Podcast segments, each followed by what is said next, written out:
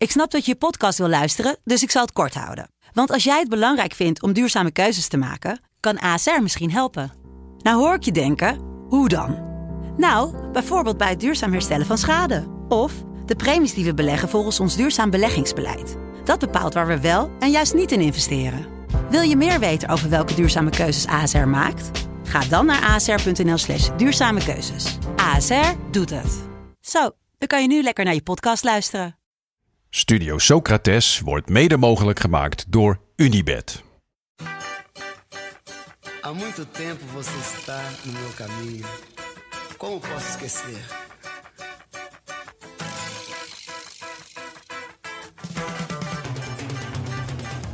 Welkom bij Studio Socrates, een podcast over alles wat voetbal mooi maakt. Met dit keer een oud voetballer te gast. De man met een van de mooiste voetbalnamen ooit, Willy Overtoom. Menina, no seu jeito de olhar. Sócrates, Sócrates, tirou! Menina, no seu modo de andar. Ik deed ooit mee met een veel te moeilijke voetbalpubquiz in Café Tabak. Naast vragen als tegen wie was de laatste wedstrijd van Wesley Sneijder voor Inter en het voetbalpaspoort van Harry de Chauffeur, was er ook een ronde met cryptische voetbalvragen. Een frustrerende ronde, aangezien ik door mijn voorliefde voor taal en voor voetbal vond dat ik moest shinen.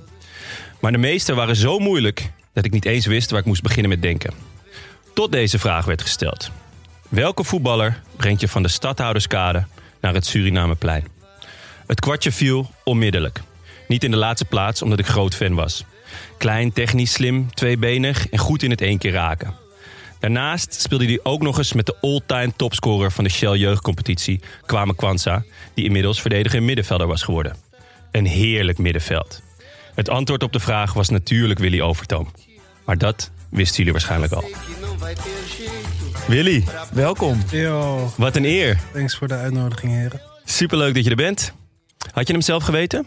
De cryptische vraag? Ehm, nee, ik ben niet zo goed in kritische vragen. dat, kan je, dat kan je thuis vragen aan mijn vrouw. Dus niet best. Ja, die stelt veel cryptische vragen dus. Alleen maar. Mooi. Nou, eh, leuk dat je er bent. Een eh, enorme eer ook. Eh, we hebben onze eigen eh, voetbalmakelaar inmiddels bij deze podcast, uh, Yatsin. Podcastmakelaar. Podcastmakelaar. Hij, eh, hij hosselt voor ons eh, eigenlijk elke verdette die we nodig hebben. Eh, ja, het, het kan eigenlijk niet lang duren voordat Slatan hier zit. Eh, toch, Yatsin? Mond vol. Duim omhoog. Duim, omhoog. Dit gaat helemaal goed komen. Ehm, ja, eigenlijk is het een soort van eh, een, een, een domino-effect, toch? Ja, want eh, eerst hadden we natuurlijk Haris Menoujanin via Jalcin ook. Toen Dick Schreuder. En, eh, Kirby Emanuelson, niet te vergeten. ja, maar die ging dan weer niet via Jalcin. Nee, dat is waar. Maar dat is minder, man. Dat is wel minder. Ja, het is wel in het rijtje eh, echte voetballers aan wie we vragen hebben mogen stellen. Ja, dat is eh, heerlijk. Dus dat gaan we vandaag ook weer, eh, weer eh, volle bak doen. Het is in mijn ogen een speler die echt past bij onze podcast, toch? Ja, nee, zeker. Want eh, toch een bijzondere voetballer voor onze generatie op een of andere manier. Iemand die van de amateurs van Hollandia weer in het profvoetbal terecht is gekomen. En volgens mij vindt iedereen van onze leeftijd, zo rond de 30, Willy Overtoom een hele goede, leuke voetballer om altijd naar te kijken. Mooie vrije trap, goede balbehandeling, eh, mooie acties, het kort, korte voetbal. Eén keer raken. Eén keer raken. Mijn favoriete nummer 9, nummer 10, Willy Overtoom, Kleiner Plet. Heel erg van genoten, gaan we het En- zo over hebben. En dan nog kwamen Kwanza erachter. ja, en dan die er nog achter. Heerlijk. Eh, ja, dus dat eh, is heel leuk dat je er bent, eh, Willy. Ja, leuk om te horen dat jullie eh, goed je onderzoek hebben gedaan. Ja, ehm, Jas, Ja, misschien goed om eerst even voor de luisteraar die je niet kent. we hebben Belgische luisteraars. Ja, wat ik me bijna ook niet kan voorstellen. Ehm, Willy Overtoom, geboren als... Ja, dit wordt eh, lastig. William Steve Bocone CB? Nee, William Steve CB eigenlijk alleen. Oké. Zo, dat is de achternaam van mijn moeder. Geboren eh, niet in Nederland, maar in Cameroen. Ja, Bertois. Waar ligt dat in Cameroen? In het westen van Cameroen. Is het- En, en- eh, toen ik denk eh, drie was toen, of drie, vier ben ik hier naartoe gekomen. Ik denk, eh, mijn vader die heeft mij erkend, dus ik heb zijn achternaam. Eh, zijn tweelingbroer die trouwde in Cameroen, zeg maar. En op die, dat, eh, hij trouwde met de nicht van mijn, van mijn moeder. En op die bruiloft hebben mijn ouders elkaar ontmoet, zeg maar. Oh, mooi. En, kort daarna is alles heel snel gegaan. Nou, Toen, Nederland naar Opdam. Ja, van Nederland naar Heergewaard. Eerst even bij mijn open oom in huis. En daarna naar Opdam, inderdaad. Nou, we gaan straks uitgebreid je, je carrière bespreken. Maar in het kort, eh, de jeugdopleiding van AZ, Telstar, Hollandia, toen naar Heracles. Daar kennen denk ik de meeste mensen je van. AZ, daarna Zulte Waregem, uiteindelijk nog in Qatar bij Al Shamal. Drie interlands voor Cameroen. Inmiddels 35 jaar. Ja, klopt. En al wel al een jaar of vijf gestopt. Ja, ik denk vier, vijf jaar officieel. Nou, daar gaan we het, eh, gaan we het ook over hebben. Ja, gaan we zeker. Gaan we uitgebreid eh, over hebben. Eh, maar voordat we eh, over Willy en zijn carrière praten, eh, kort even over ons en, en eh, met name wat het voetbal mooi maakt dit weekend. Daantje, trap jij hem af? Ja, ik heb ehm, de wedstrijd, of tenminste de samenvatting van Nice tegen Lorient gezien. Waar natuurlijk Justin Kluivert eh, speelt, Casper Dolberg.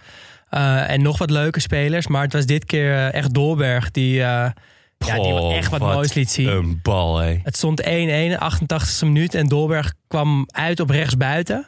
En hij gaf een voorzet met zijn vreef. Die zo strak was. Hij trapte een beetje schuin, zo strak. Precies op het hoofd van die spits die hem zo kon in, inkoppen. Dit was 100% bewust, toch? Ja, zeker. En normaal hou ik niet zo van zo'n ja, van zo'n strakke voorzet. Ik kan meer van een bal binnenkant voet van de zijkant. Uh, maar dit liet zien dat, uh, dat het zo ook kan. Het was en zo echt, zie je hetzelfde. Dat was echt, echt heel mooi. absurd hoe Ik die vond hem het ook, ook mooi dat die spits, wat een, behoorlijk verwende verdette leek... met geblondeerde haar en, uh, en tattoos. Heb je het nu over Dolberg? Nee, nee.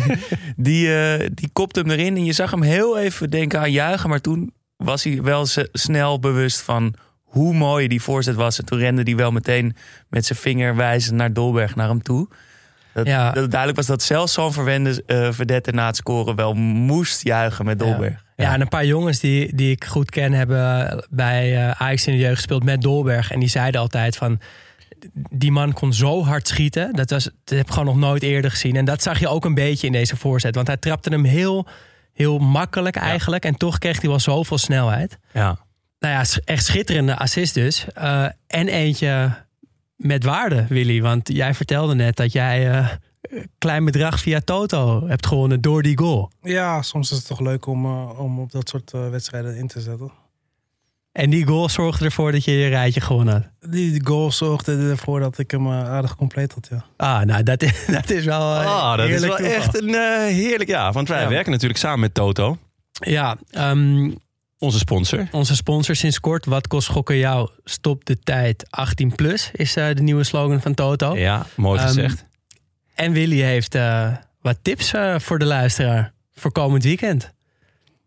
Oh, Nederland... is, is, is, dat zo? Ja, volgens mij, volgens mij is dat zo. Nee, ik, uh, je, moet, je moet altijd toch een beetje onderzoek doen, denk ik. Weet je? Ik kijk altijd naar, uh, ik kijk altijd naar, de, naar de leuke ploeg zoals Atalanta, uh, Lyon, Nice. Weet je, die gewoon, het zijn niet de toppers, maar het zijn gewoon, weet je, die, die spelen altijd aanvallend voetbal, veel goals.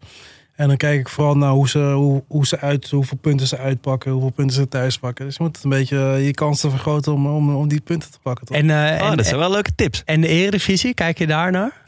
Uh, Eredivisie kijk ik zeker naar. Alleen, uh, dat zijn lastige competities, weet je wel. Eredivisie, je hebt ook... Uh, iedereen kan van elkaar winnen. Als ik zeg bijvoorbeeld uh, Groningen Heracles van dit weekend, als je toch je oude club Heracles. Kan je ja. dan tegen Heracles inzetten? Ja, dat kan niet. Hè. Ik mag niks zeggen. ja, voordat ze mij uh, à la Jordi Klaas hier in Beugel nee, Heel okay. verstandig. Nee, wie, is, wie zou je uh, zeggen? Groningen of Heracles? Uh, gelijkspel. Gelijkspel. Mooi, diplomatiek. Ja, ja ik, ken, uh, ik ken Mark Jan goed. Ik ben ook fan van Heracles. Dus, uh, gelijk. Gelijkspelletje. Nou, dit is een mooie quote. Dan krijg je 3,30 euro voor uh, bij Toto. Lekker. Tip van Willy. Tip van Willy. Mooi.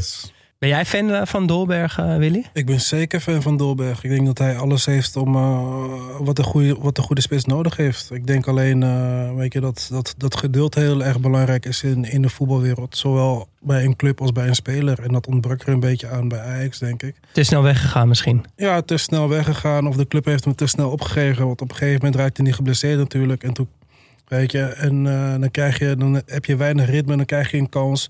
En dan de volgende wedstrijd word je eruit gehaald. Dan speel je vijf wedstrijden misschien weer niet. En je moet het continu, in, op één moment moet je het laten zien, zeg maar. En als jonge speler is dat gewoon frustrerend, omdat je wil spelen. En uh, weet je, je, je, denkt alleen maar ik wil spelen, ik ben de beste en ik moet spelen. En ja, je gaat gewoon zoeken in plaats van dat je geduldig bent. En kijk naar wat je wel hebt, weet je. En als je gewoon hard blijft werken, dan komt die kans vanzelf wel. En voor mij is een kans is vijf, zes, zeven wedstrijden achter elkaar spelen, zeg maar. Omdat je dan pas in je vorm en je ritme komt. Precies, je komt in je vorm en je ritme. Je went aan je ploeggenoot. Je, je went aan, uh, aan het hele sfeertje in het stadion. Aan hoe, hoe, uh, hoe het niveau gaat, scheidsrechters, et cetera. En dat is voor mij echt een kans. En mensen denken al vaak van, weet je, je speelt vijf wedstrijden niet. Je krijgt één wedstrijd de kans weet je, om het te laten zien en dan, dan lukt het niet. Ja, dan is het vaak ook gelijk klaar. Maar voor mij is dat geen kans. Ja, sterk punt. Duidelijk. Ja, heb je dat zelf eens gehad? Dat, dat gevoel dat je, dat je te snel uh, werd afgeschreven of dat je zelf te ongeduldig was? Uh, ja, misschien. Uh, ik heb op één moment gehad bij AZ, zeg maar. Dat ik misschien te snel heb gezegd van weet je, ik wil, uh, ik wil spelen, anders, anders ga ik weg, zeg maar. Puur ook omdat ik, ik ben iemand die vindt, weet je, dat als je een voorbereiding ingaat van een nieuw seizoen, dan begint iedereen op blanco. En weet je, als je een betere voorbereiding hebt gehad dan de rest, ja, dan vind ik dat je verdient om te spelen. Of je nou 16 bent of je bent 35, het maakt niet uit. Je hebt, je hebt, uh, je hebt hard gewerkt, je hebt je best gedaan. Je hebt laten zien dat je, dat je gewoon op dat moment de beste bent. En dan verdien je het ook om, om te starten, zeg maar. En was ja. dit je eerste periode bij AZ of later toen je terugkeerde? Mm, uh, later toen ik terugkeerde. Toen heb ik ook in een gesprek gezegd van, weet je, ik vind dat ik, uh, dat ik het beter heb gedaan dan mijn concurrenten. Die waren allebei gehaald, ook zeg maar nieuw. En, Wie waren dat? Guus Huppets en Tankovic toen. En uh, toen, toen heb ik ook gezegd van, weet je, ik vind dat ik moet spelen, zeg maar. Ik heb een betere voorbereiding gedaan. En als ik niet speel, ja, dan wil ik graag verder kijken. En uh, toen uh, hebben we het erover gehad. En twee dagen werd ik geroepen. En uh, werd ik na tweede Dit was on, onder Van Basten, toch? Ja. Onder Van Basten en Pastoor, inderdaad, ja. Gaan we het straks uh, uitgebreid over hebben. Ja, we gaan door met wat het uh, voetbal mooi maakte. Dat gaan we straks uh, jou ook vragen, Willy. Dus denk vast na. Maar misschien eerst jij, Jonne? Nou, ik hoorde een, een, een mooi gerucht vandaag. Dat Alfred Schreuder de topkandidaat is om bij Ajax aan de slag te gaan. En nou ja, er gaan ook geruchten dat hij dan... ja, kerstvers vriend van de show Dick Schreuder meeneemt in zijn kielzog. Nou zitten we hier natuurlijk met een Dick Schreuder-kenner. Een versteer. En natuurlijk ja, doet hij nu snel even een hap in zijn mond, zodat hij niks hoeft te zeggen. Maar hij begint een beetje te zweten. Hij begint te zweten, een beetje te, te glunderen, een beetje stiekem te lachen. Uh, hij, hij zegt niet meer te weten. No comments. Oké, okay, nou dat is duidelijk. nog bevestigd. Zou het wat zijn, denk je? Alfred Schreuder. Ja, samen met Dick? Hij staat hoog aangeschreven bij Ajax. Uh, ze zijn, ja, ze liepen toen hij assistent was, liepen veel spelers met hem weg. Dat werd toen al gezegd. Um, vervolgens uh, Hoffenheim. Daar ging het wat minder volgens mij. Moest hij Nagelsman ook opvolgen? Ja, dat is uh, zijn grote schoen om te vullen. Ja, dat is, dat is niet makkelijk. En nou, bij Barça weten we allemaal hoe het is gegaan. Uh, maar bij Brugge doet hij het nu ontzettend goed. Ze zijn weer terug in de race. Wat ergens wel jammer is natuurlijk voor het sprookje van Union Saint-Gilloise. Uh, die staan nog maar drie punten voor. Ze gaan nu de kampioenspool in. Dus het wordt razendspannend. Maar hij heeft zijn statistieken uh, met Brugge zijn, uh, zijn ontzettend goed. Super aanvallend. veel goals, veel punten. Ik ben wel benieuwd wat, wat Dick gaat doen. Stel dat Schreuder echt hoofdtrainer wordt. En hij gaat Dick meevragen. Of hij dan zegt, let's go. Of dat hij toch denkt, nou, ik ben nu hoofdtrainer. Ik, ik hou Zwolle misschien wel in de eredivisie. Ik ga hier wat moois van maken. En familiebanden is altijd mooi, toch? Twee broers. Aan, altijd mooi in, in een team of, of vader ja, zeker. aan de zijlijn en, en zijn zoon in het veld. Of dan nu twee broers langs het veld. Het lijkt mij super vet, maar ik kan me heel goed voorstellen dat Dick zegt... nou, ik heb Zwolle erin gehouden op miraculeuze wijze. Ik heb hier uh, een hoop krediet en eigenlijk ook wel een hoop plezier. Ik bedoel, ja, het is, hij vertelde ook dat hij, dat hij graag weer hoofdtrainer wou worden. Dus ja, wat dat betreft is het eigenlijk een stap terug, toch? Maar Of- wat als je, je houdt Zwolle erin en je gaat weg? Want misschien is het wel weet je, op dat moment even zijn hoogtepunt. Ja, dat, je, ja. Je gaat naar Ajax, je hebt Ajax op je cv staan. Je, als je Ajax op je cv hebt staan, eh, dat is mijn ervaring, wat ik overal heb gezien. Dan gaan alle deuren open. ja. En zeker als je Zwolle in de Eredivisie houdt na, na zoiets. En zo'n kans krijg je natuurlijk ook niet vaak. Deze denk trein komt maar één keer Ik langs? denk dat het moeilijk voor Dick is om nee te zeggen. Ja, dat denk ik ook. We gaan het in de Als gaten ik je altijd zien zo zie, dan is het eigenlijk al wel eh, een beetje beklonken. Eh, Jas, Ehm, ja, jij hebt genoten, neem ik aan? Nou ja, van eh, vorige week natuurlijk heel erg getipt om eh, die zes minuten wedstrijd van vandaag. Het is vandaag dinsdag eh, te kijken.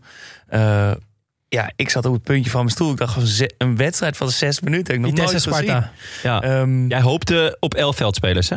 Ik hoopte op elf veldspelers. Er Geen was keeper. sprake van dat Leeds geen keeper op zou stellen. Dat was Eh, wel vet geweest, hoor. Dat durfde hij niet. De wedstrijd viel ook een klein beetje tegen. Het was allemaal echt te kort. Ehm, hij had wel duidelijk tegen Schubert gezegd eh, dat hij mee moest voetballen. Want je zag, hij stond af en toe echt bij de middenlijn. Eh, maar daarna toch weer snel zijn, corner, zijn, zijn goal in. Al kwam je wel bij de eerste corner van de wedstrijd mee naar voren. Ik denk dat dat ook iets eh, is wat uniek- nooit is gebeurd. ja, uniek gegeven. Eh, maar het was een leuk experiment. Viel een beetje tegen. Dus waar ik het meest van heb genoten was de finale van de Crocky Cup tussen eh, A- KA Gent tegen Anderlecht. We hebben het eh afgelopen Crocky. weken al een beetje over de Crocky Cup gehad. Matige Heb chips. je er echt van genoten? Waar doel je nu op, Willy? Nou, op het niveau vooral.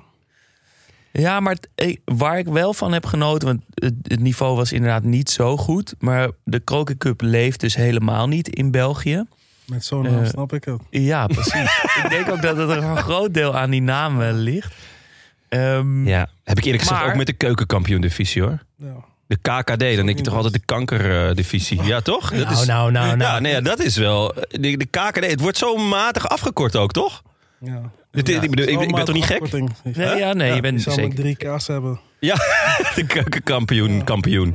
Ja, inderdaad, de 3K. Dan heb je helemaal een probleem. Ja, maar goed, het, het niveau was inderdaad niet zo goed, maar het leefde wel. Dat viel me heel erg mee. Het stadion was er bomvol. Eh, de spelers waren duidelijk een beetje gespannen. Er was echt een finale sfeer. Eh, met verlenging en penalties. Dus gaat het ook Dat is meteen. altijd lekker. Ja, krijgt het nog meer lading. Ik vind eh, in zo'n zo'n stadion, zeg maar, met zo'n Sintelbaan, weet je, vind ik het altijd toch iets minder Ja. hebben dan wanneer het publiek. eh, dat, dat, dat pakte mij al niet, zeg maar.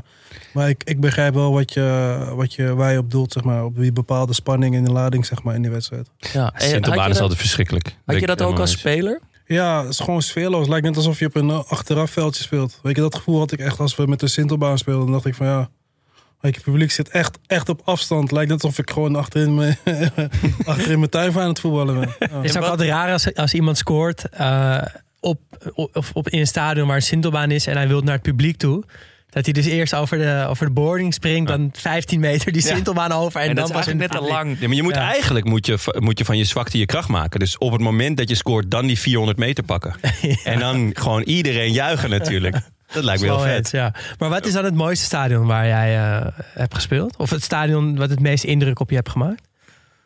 Ehm, ja, weet ik niet. Ik ben nooit echt met stadions bezig geweest eigenlijk. Ik ben altijd eigenlijk met de wedstrijd bezig geweest. En eh, voor mij is het een stadion is eigenlijk hetzelfde. Eh, weet je, de, elk stadion gaan, eh, zitten mensen in. Je hebt verlichting, je hebt grasveld. En eh, het is allemaal hetzelfde Of een kunstgrasveld? Of een kunstgrasveld inderdaad. het, is, het is allemaal om het even eigenlijk. Dus, eh, maar qua sfeer is het allemaal wel verschillend. Zeg maar. ik, voor mij de beste sfeer die ik heb meegemaakt... dat was in de, in de Kuip zeg maar, tijdens eh, de bekerfinales. Zolang er maar geen Sintelbaan is, maakt het jou niet zo heel veel uit. Nee, precies. Dat, Ehm, nog een laatste ding Ja. over die bekerfinale. Na het veld was de ceremonie op het veld met een podium en confetti en juich en zo. Maar in plaats van een paar mooie, charmante dames die dan die medailles komen brengen, stonden er dus vier hele grote, rare papegaaien op het veld. het zag er echt niet op, uit. hoor. Eh, toen Serieus? was het meteen de hele, de hele charme van de Crocky Cup wel weer meer. Dat is wel goed hoor. En had ze dan in plaats van eh, confetti, was het dan ook chips wat eruit kwam? Dat was wel een stunt geweest. Ja, dat Dat iedereen lekker begon te Ja. eten op het veld. Nou, neem het mee volgend jaar. Bizar. Ja, heel vet. Wat, eh, kijk je eigenlijk veel eh, voetbal? Volg je het? Ehm, ik volg het vooral. Maar jullie hadden het net over Nice. Ik volg wat de scores en zo. Ik zag inderdaad 88e minuut. Maar ik heb, niet, ik, heb niet de, ik heb de goal niet gezien. Maar ik zie wel, eh, ik heb bijvoorbeeld de afgelopen week heb ik Paris gezien tegen Marseille. Heel interessant omdat Feyenoord ook tegen Marseille speelt. Ik vind dat een, een hele mooie, mooie, sterke ploeg ook. Maakt Feyenoord de kans? Nee. Nee. Poeh. Maar zei het te goed? Ja, ik vind Marseille echt sterk. Echt heel sterk. Weet je, het is niet alleen. eh, het, weet je, het zijn gewoon beesten in Frankrijk. Weet je, fysiek heel sterk. En, en daarnaast koppelen ze, koppelen ze dat fysieke ook aan, eh, aan een bepaalde spelintelligentie. Je hebt een Payet, heb je daar spelen ook. Weet je, je hebt eh, die, eh die. Die goal van Payet gezien eh, twee weken terug. Ja, Die volley. volley, ja. ja. Je, je hebt gewoon echt een heel goed team staan met, met, met, met ervaring, met creativiteit en, en, en met fysieke kracht. Dus ja, weet je, het, zal voor Feyenoord een hele, een hele mooie, een mooie leerschool zijn, denk ik vooral. Alleen, eh, ik zie ze niet winnen. Jammer. Is er dan iets wat jou is opgevallen afgelopen weken misschien, waar, waarvan je echt ging, kon smullen? Lastig hoor. Ik, eh, Een goal, een assist of een interview zelfs of een ik wedstrijd? Vind, eh, ik vind, eh, toevallig kijk ik de laatste tijd kijk ik wel eens de keukenkampioen divisie dan, wedstrijden. Ik vind het gewoon echt geweldig om te zien, omdat je hebt zoveel acties, zoveel het schoot op doel, zoveel goals. Weet je, ik, vind, ik vind dat echt een, een, toegevoeg- een toegevoegde waarde voor de Nederlandse competitie. En ik denk dat, dat, dat een Feyenoord, weet je wel, en Twente of, of meerdere clubs eh, tweede teams moeten leveren die daarin spelen. Ja. Alleen ja, verder, verder mis ik op het veld mis ik een beetje eigenlijk de echte creatieve spelers die je vroeger had. Weet je, en daar, daarvoor is jullie podcast. Weet je. En, eh, Ja. weet je, die mis ik als ik in Nederland kijk. En ik zoek echt naar mooie creatieve nummer 10 of middenvelders. Weet je, zoals Ziyech dat eigenlijk is. Een uh, Iatara nu. Weet je, dan, dan mis ik dat, weet je. Dat, eh, dat, dat is wat mij opvalt. Dat de afgelopen jaren vooral Veel lopers. Veel Op lopers 10, hè? zijn op 10. Ja. Weinig, eh, weinig creativiteit zoals je dat vroeger had. En van wie genoot je dan vroeger? Van, van wat voor een soort eh, nummer 10's of middenvelders? Ja, Zidane had je, je had Totti, je had eh, Ronaldinho kon op 10 spelen. Iniesta had je, weet je, gewoon, gewoon echt de mooie voetballers. Weet je, die een steekbal kunnen geven, die zelf een wedstrijd kunnen beslissen. Die gewoon weten wat het, wat het spel inhoudt. Was dat inspiratie voor jou ook? Keek je bijvoorbeeld, eh, ja, een beetje een rare vraag misschien, maar voordat je zelf ging spelen, filmpjes van die, van die spelers om een soort van in, in de mood te komen? Nee, ik denk, eh, ik ben opgegroeid natuurlijk met het Ajax van eh 93, 94, 95. Weet je. Dus dat is, dat, daar leg je al een bepaalde basis mee. En daarna kwam nog eens Frank Rijkaard die bij Barcelona begon. Dus dat, dat ben ik gaan kijken. En ik denk dat ik eh, in de jeugd was ik gewoon, speelde ik, was ik eigenlijk een tien, maar speelde ik vooral aan de flanken, zeg maar. En tot, tot ik eh, aan Telstar verhuurd werd, zeg maar. En to- toen op dat moment ben ik echt gaan leren voetballen, zeg maar. Zoals, zoals ik bij Heracles heb gedaan. En, eh, en dat is niet eens zozeer eh, kijken naar andere spelers. Ja, wel kijken naar andere spelers, maar het is vooral vragen van, weet je, waarom doen ze dat?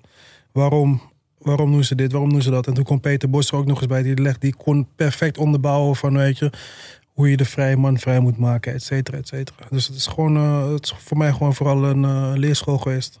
Wat was dan het, het grote verschil? eh, want je, je noemt Telstar, daar heb je half jaar gespeeld? Eh, Een jaar. ja. Een jaar. En dat, is, dat was ook je, echt je eerste stap van, van jeugd naar, nou ja, naar mannenvoetbal eigenlijk. Ja, klopt. Wa- Wat was het grote verschil eh, van, van, van jeugd naar, naar, ja, naar volwassen voetbal? Ja, vooral het fysieke aspect.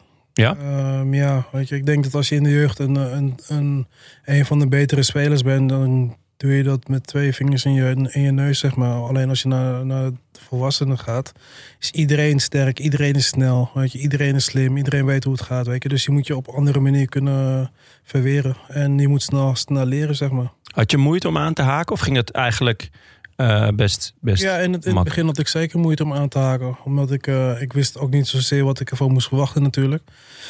En eh, wat ik al zei, ik ben iemand die wel veel om zich heen kijkt naar hoe anderen het doen. Om mezelf dan de vraag te stellen, waarom doen ze dat? Weet je, en hoe kan ik dat invullen, zeg maar. En hoe kan ik dingen uitproberen? En dat ben ik gaandeweg gaan doen. En waardoor ik steeds beter ben gaan spelen. Is dat ook iets wat, wat jou speciaal maakt? Of zie je dat, dat meer spelers zo met dat spel bezig zijn? Ik weet niet of meer spelers met, zo op die manier met dat spel bezig zijn. Eh, op die manier hebben we het er nooit over gehad. Je praat wel eens over tactiek, maar je praat niet eh, met spelers eigenlijk eh, waarom ze dingen doen. Weet je? Dat, eigenlijk is dat wel jammer, want dat zou echt een, eh, En, dat je onderling dat ja, ook... precies. Dat zou echt een heel mooi gesprek kunnen opleveren, zeg maar. Dus misschien een tip voor jullie om met meerdere spelers te gaan zitten. En dat willen Ja. we heel graag. en, dan, en dan vragen van, nee, eh, jij was hier goed en waarom deed je dat? Weet je, als iedereen Ja, ik, kan uitleggen. ik had altijd het idee bij, bij mijn team, maar dat, dat, ja, dat werd nooit doorgezet. Maar eh, het leek mij heel vet. eh, ik, ik speelde meestal linkshalf of, of, of tien.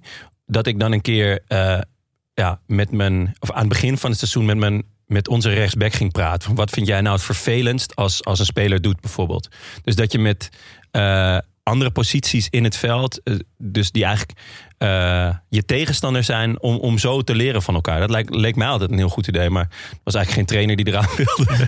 Ja, je, je, had, je had bij ons dan wel een spitsen, weet je, die met de keepers gingen praten. Zoals een Everton Ja. of Bas Doors. Die gingen gewoon met de keepers praten om, om te vragen van, weet je, hey, eh, wat vind je vervelend als een spits eh, bij jou doet, zeg maar, qua, qua één op één of qua schiet uit een hoek. Weet je, dat, dat, dat gebeurde zeker. Ja, en had je dan bij Telstar al gelijk bijvoorbeeld ook, ook oudere spelers die, die jou bij de hand namen? Of, of was het gewoon eh, proberen aan te haken en om je heen kijken en zo alles eh, in je had- had opzuigen? zeker oudere spelers die mij bij de hand namen. En eh, je had, onze coach was toen de tijd Luc Nijl. Die ken ik ook uit de AZ-jeugd met, met Harris.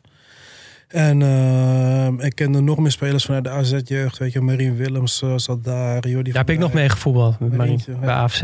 Ja. Topgozer. Ja. Goeie voetballer ook. Ook een hele goede voetballer. Weet je, allemaal dat soort jongens, weet je, die, eh, die, die, die daar zaten. En dan had je nog ervaren jongens zoals Jan Bruijs en Couperus. Ik bedoel, die, die spraken allemaal met je, et cetera, et cetera. Die zeiden ook van, weet je, geduldig blijven. Gewoon doorgaan zoals je gaat, weet je. Dat, dat is wat je nodig hebt als, eh, als jonge jongen.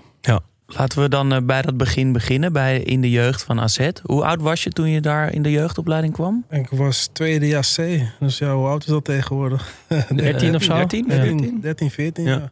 En was het een droom om, eh, om profvoetballer te worden toen al? Of, of wilde je misschien wel liever eh, wat anders worden? Nee, ik, was, ik, wou, ik wilde wel voetballer worden. Alleen ik was me nog niet op die leeftijd nog niet echt bewust van wat dat echt inhield. Weet je. Ik zag eh, uh, mensen op tv spelen. En ik dacht van ja, dat wil ik ook. Ik wist dat ik goed kon spelen. En toen, Ik- kwa- toen kwam je dus in de jeugdopleiding met Haris Medunjanin. Ja, Hoe was dat? ja ik kwam toen ik eh, in de jeugdopleiding kwam. Toen zat hij, was hij eerstejaars B, zeg maar. Dus hij is een jaar ouder dan ik. Dus eh, pas in mijn tweede jaar kwam ik bij hem in het team. En eh, weet je, we speelden gewoon eigenlijk heel veel samen. Kijk, hij stond, eh, we hadden toen, eh, voor mij was Luc trainer toen ook. En die stelden zijn team samen. We hadden gewoon een, hele, een heel goed team. Want je had eh, Harris, je had Christy Janga, Tom Zoontjes, Ron Vlaar, Arjan Wissen. We hadden echt, echt een heel sterk team. En iedereen moest spelen. En was, ik was in de eerste jaar was ik op 10. En eh, daarna moest ik, omdat iedereen moest spelen, en Harris was op 10, moest ik naar de zijkanten, zeg maar. Dus dat, eh, dus, eh, maar ja, het was echt een, eh, echt een hele mooie tijd. We hadden echt altijd een heel sterk team. Altijd eh, leuke wedstrijden gespeeld. Was echt, ik denk dat mijn jeugdtijd wel de mooiste tijd was uit mijn, Ja? uit mijn voetballoopbaan. Zeg maar. Beetje overbodige vraag misschien, maar heeft Harris Medunjanin je wel eens gekapt? Nee, mij niet. Als enige ter wereld niet. Nee, maar je, als je, ik denk, weet je, als je, je bent een bepaalde type speler en je kent een bepaalde type spelers, in een bepaalde situatie weet je wat hij gaat doen, snap je? Ja. Dus ik zie, zie- soms zie je al van, eh, van een kilometer van tevoren die kap aankomen en dan zie je, zie je alsnog verdedigers gaan. Dat ik denk van, Ja. eh, Game recognized game. precies. Lijken jullie op elkaar qua, qua type speler? Eh, ja, ja, ja, ja en nee. Ik denk eh, dat Haris, eh Haris is wat trager dan ik. Doet wat meer vanuit stilstand. Maar qua, qua eh, hoe we het spel beleven, zeg maar. Hoe we, hoe we denken over tactiek, et cetera. Zijn we eigenlijk hetzelfde. Ja. Vandaar dat je dat ziet dus. Ja, Ja. nou, je ziet dat nu ook heel vaak. Kijk, als ik op tv kijk, dan denk ik ook van, weet je, vaak, hij gaat hem kappen, weet je. Ja. Ja. Je ziet dat gewoon aankomen vaak bij bepaalde, bij bepaalde type spelers. Zijn er jongens uit die lichting met wie je nog eh, contact hebt? Af en toe een balletje trapt of eh heb je nee, geen, geen balletje trap. Maar je hebt af en toe wel, je hebt sowieso wel contact met jongens. Sowieso tegenwoordig met social media is dat een heel stuk makkelijker. En heel af en toe kom je elkaar wel eens tegen. En dan is het gewoon eh, zoals van ouds. Leuk. Ja. Vet. Is dat nog anders, ehm, bijvoorbeeld met die jongens met wie je bij Hollandia voetbalde? Omdat dat amateur, profs, misschien wat gezelliger geweest of zo? Of hoe? Nee, is eigenlijk een beetje hetzelfde als in de jeugd geweest. Je. In de jeugd je bent jong, is geen druk. Je voetbalt puur voor je plezier. Weet je. Daarom ben je op je zesde of vijfde op voetbal gaan. Puur omdat je het leuk vindt. En eh, dat was bij de amateurs net zoals bij, eh, als bij de jeugd eh, bij AZ. En was het eigenlijk moeilijk om terug naar de amateurs te gaan? Want, want bij Tel, je ging van AZ naar Telstar. Bij Telstar lukte het toen niet helemaal. Ja, klopt. Toen naar Hollandia. Wat, wat hoofdklasse was het? Het hoogste amateurniveau toen? Ja, dat, ik, was, ik was gewoon mijn plezier verloren ook in het voetbal. Dus wat dat betreft was, het niet, was het niet heel moeilijk. Hoe kwam dat dan? jammer. Dat je je plezier verloor? Ja, omdat ik, omdat, eh, omdat ik ook vond dat ik moest spelen, zeg maar, op een gegeven moment bij Telstar. Kijk, in het begin had ik heel veel moeite om aan te haken. En eh gaandeweg eh, ja, moet je een kans krijgen, snap je? Moet je gewoon vijf, zes wedstrijden de kans krijgen als je het verdient. En als, je, als, als jou wordt gezegd dat je het verdient en dat je in de tweede niet zo moet uitsloven, omdat je dan te veel laat zien hoe goed je kan voetballen. Weet je, dan laat zien dat je goed bezig bent. En dat is het enige wat, wat, wat eraan ontbrak, zeg maar. Echt een kans van meerdere wedstrijden op een rij. Maar ze zeggen, je, je speelde toen in de tweede, moest je het laten zien. En Ja. toen zeiden ze tegen je, je moet niet te goed gaan voetballen in de Ja, tweede. je, je moet, eh, ja, ik kreeg te horen van, eh, toen kreeg ik te horen van, ja, je laat te veel zien hoe goed je kan voetballen, zeg maar. Weet je, door, ja, Te veel uitsloven. Te, te veel uitsloven, inderdaad. Ja. En eh, het, ding, het ding was ook dat ik in. eh bij Telstar stond ik ook rechts of links buiten vaak. Alleen op dat moment voelde ik mij het beste op 10. En toen ging ik naar de amateurs, ging toen eh, ging ik terug naar Hollandia. Kreeg ik eh, de kans gewoon weer op 10 op, op mijn favoriete plek te spelen. Hebben we echt een fantastisch seizoen gedraaid. En eh, daardoor ben ik ook weer doorgegaan naar eh Heracles. Voelde het eh, toen je terug, het stapje terug naar Hollandia alsof de profdroom verleden tijd was? Of zag je het ook echt als een opstapje om, eh, om weer het profvoetbal weer te bereiken? Nee, ik zag het echt als een opstapje. Ik heb eigenlijk daarnaast helemaal niks gedaan het hele jaar. Echt gewoon puur de focus gehad om, eh, om gewoon te knallen en, eh, en dat opstapje weer te pakken. En vond je het leuk, het amateurvoetbal? Ja, als je wint, als je altijd wint, is het sowieso leuk. maar ik heb echt een hele mooie tijd gehad. En ik denk eh, dat, dat de Club Hollandia daaraan een hele mooie tijd heeft gehad. Ja. Je, en ik spreek sommige jongens nog wel eens, weet je wel. Dus ja, het, was echt, het was echt heel leuk. Dikke Schreuder, toen hij hier zat, die vertelde dat hij het eigenlijk het meest had geleerd bij de amateurs. Ja. Geldt dat voor jou ook? Nee, ik heb onder Peter Bos het meest geleerd. En eh, dat heeft mij ook doen beseffen dat er gewoon in, de- in de voetbalwereld zijn er gewoon weinig trainers die echt een, echt een, een idee hebben van hoe ze willen voetballen. Kijk, die, eh, kijk, tuurlijk heeft iedereen een andere kijk op het spelletje natuurlijk. Alleen eh, van hem heb ik echt, echt heel veel geleerd, zeg maar. En eh Gert-Jan Verbeek bijvoorbeeld, die is dan heel goed met krachttraining bezig. Die is heel goed met jonge jongens bezig. En die heeft een bepaald spelidee in zijn hoofd, snap je? Dus ook hij had dat, zeg maar. Alleen bij Peter Bos ging dat nog een stapje verder. Die kon bepaalde situaties zo uitleggen dat je dacht, oh ja, weet je, daar had je echt wat aan als speler. En als ik dat eerder had gehad, ja, dan was je gewoon veel verder geweest in je carrière. Ja, maar die, is- die, ik heb het idee dat die, dat type coach heel schaars is. Dus Ja. die echt nou ja, bijna als een soort eh, geleerde zegt van ja, oké, maar als je nu zo loopt of nu die stappen, dan kom je wel vrij. Of, Ja, maar het was niet eens heel ingewikkeld, weet je. Het Nee? was gewoon heel simpel. Het was gewoon... eh, hij, hij leerde gewoon van, weet je, hoe je voetbal moet eh, zien, zeg maar, is in de opbouw. Moet je kijken naar hoe de tegenstander druk zet, weet je. Vaak in Nederland zetten ze op dezelfde manier druk, weet je. Je hebt bijvoorbeeld 4-3-3 eh bijspelen, kan hem er binnen kantelen. Ja, dan is die rechtsback de, de vrije man. Ja, hoe ga je dat, hoe ga je, hoe ga je dat uitspelen? Weet je, dat zijn gewoon simpele driehoekjes maken op het juiste mo- moment in de bal komen. Als je, dat, als je die momenten gaat herkennen in het veld, zeg maar. En dat is niet alleen dan, maar in meerdere situaties, ja, dan ga je zoveel makkelijker voetballen. En over Peter Bos, ehm, want die had je de trainer bij Heracles natuurlijk, hè, van, van eh, Hollandia naar Heracles Almelo.